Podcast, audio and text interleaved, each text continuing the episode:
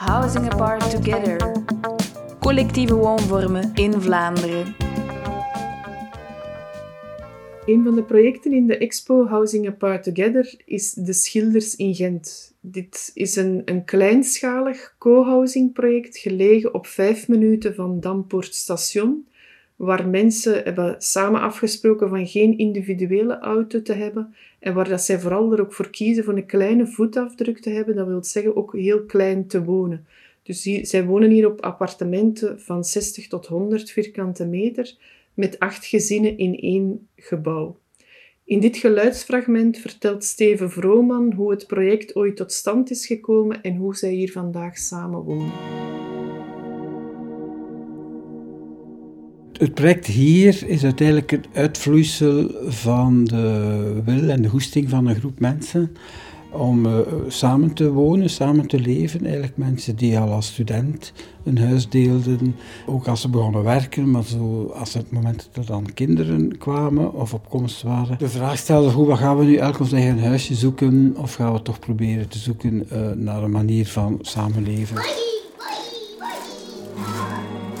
En dat is wel een redelijk lange zoektocht geweest naar geschikte site. Er zijn zowel bestaande gebouwen als, als andere plekken uh, gezocht. En de groep stond bijna op punt om het op te geven, omdat er niet echt een geschikte plek te vinden was. Tot mijn, een beetje bij toeval, op dat stukje bouwgrond hier in Sint-Amansberg is uh, gevallen. En dan is er redelijk snel beslist, oké, we gaan een nieuw bouwproject realiseren op deze grond. En dan zijn er nog een paar infomomenten geweest om de groep nog iets uit te breiden. En zo waren we snel met uh, acht uh, bouwheren, zou ik zeggen.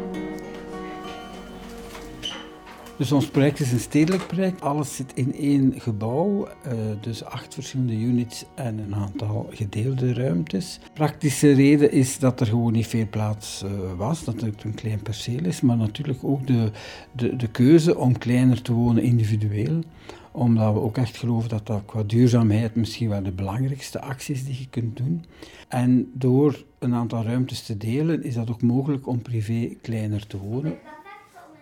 Als je de privé-units bekijkt, die zijn wel zeer kwalitatief, maar compact. En het zou moeilijk zijn, mocht dat het enige, de enige plek zijn waarover dat je beschikt. Maar precies omdat er die gemeenschappelijke tuin is, dat je spullen kunt beneden zetten, dat je wasmachine kunt in de gemeenschappelijke ruimte zetten, je fietsen, dat daar ook nog een keuken is. Dus al die extra's maken het prima mogelijk om toch uh, voor je privéruimte dan een stukje kleiner te gaan leven. Daarbij komt natuurlijk dat die ontmoetingsruimte ook de kans geeft om dingen samen te doen. Zeker de kinderen uh, zoeken elkaar op. Dus dan krijg je een redelijk organische manier van dingen samen doen. Dus we hebben zo goed als geen vaste uh, momenten of verplichtingen om samen te eten of zo. Maar het gebouw nodigt wel uit om dingen samen te doen. Ja, dat is wel iets wat de architecten vinden wij uh, goed hebben opgelost. Dus ze wouden dat we zo weinig mogelijk gangen hadden. We moesten ook een lift voorzien. En men heeft dan gekozen voor die centrale traphal met de lift daarin ingewerkt. Die ook veel licht heeft, die aangenaam is van materiaalkeuze, waardoor dat ook niet een straf is om eventjes eh, een trap te moeten nemen, wat dat in veel appartementsgebouwen zijn dat donkere, onaangename plekken. Hier is dat een, een, mooie plek, esthetisch een mooie plek, en die ook de kans geeft om inderdaad anderen te ontmoeten. Qua structuur zou het gebouw kunnen vergelijken met een appartementsgebouw. Met dat verschil, als je de voordeur die uitkomt op die gemeenschappelijke traphal open doet, dat het daar een redelijk uh, levendige plek is, waar je wel kunt mensen tegenkomen, waar dat er ook wat gerief staat. Qua manier van leven uh, is het toch een heel andere dynamiek. Ja, wat privacy betreft is het wel zo dat, we, dat het belangrijk is dat je elkaar daar ook in respecteert. Dus dat betekent dat wij uh, echt de deuren niet platlopen bij elkaar.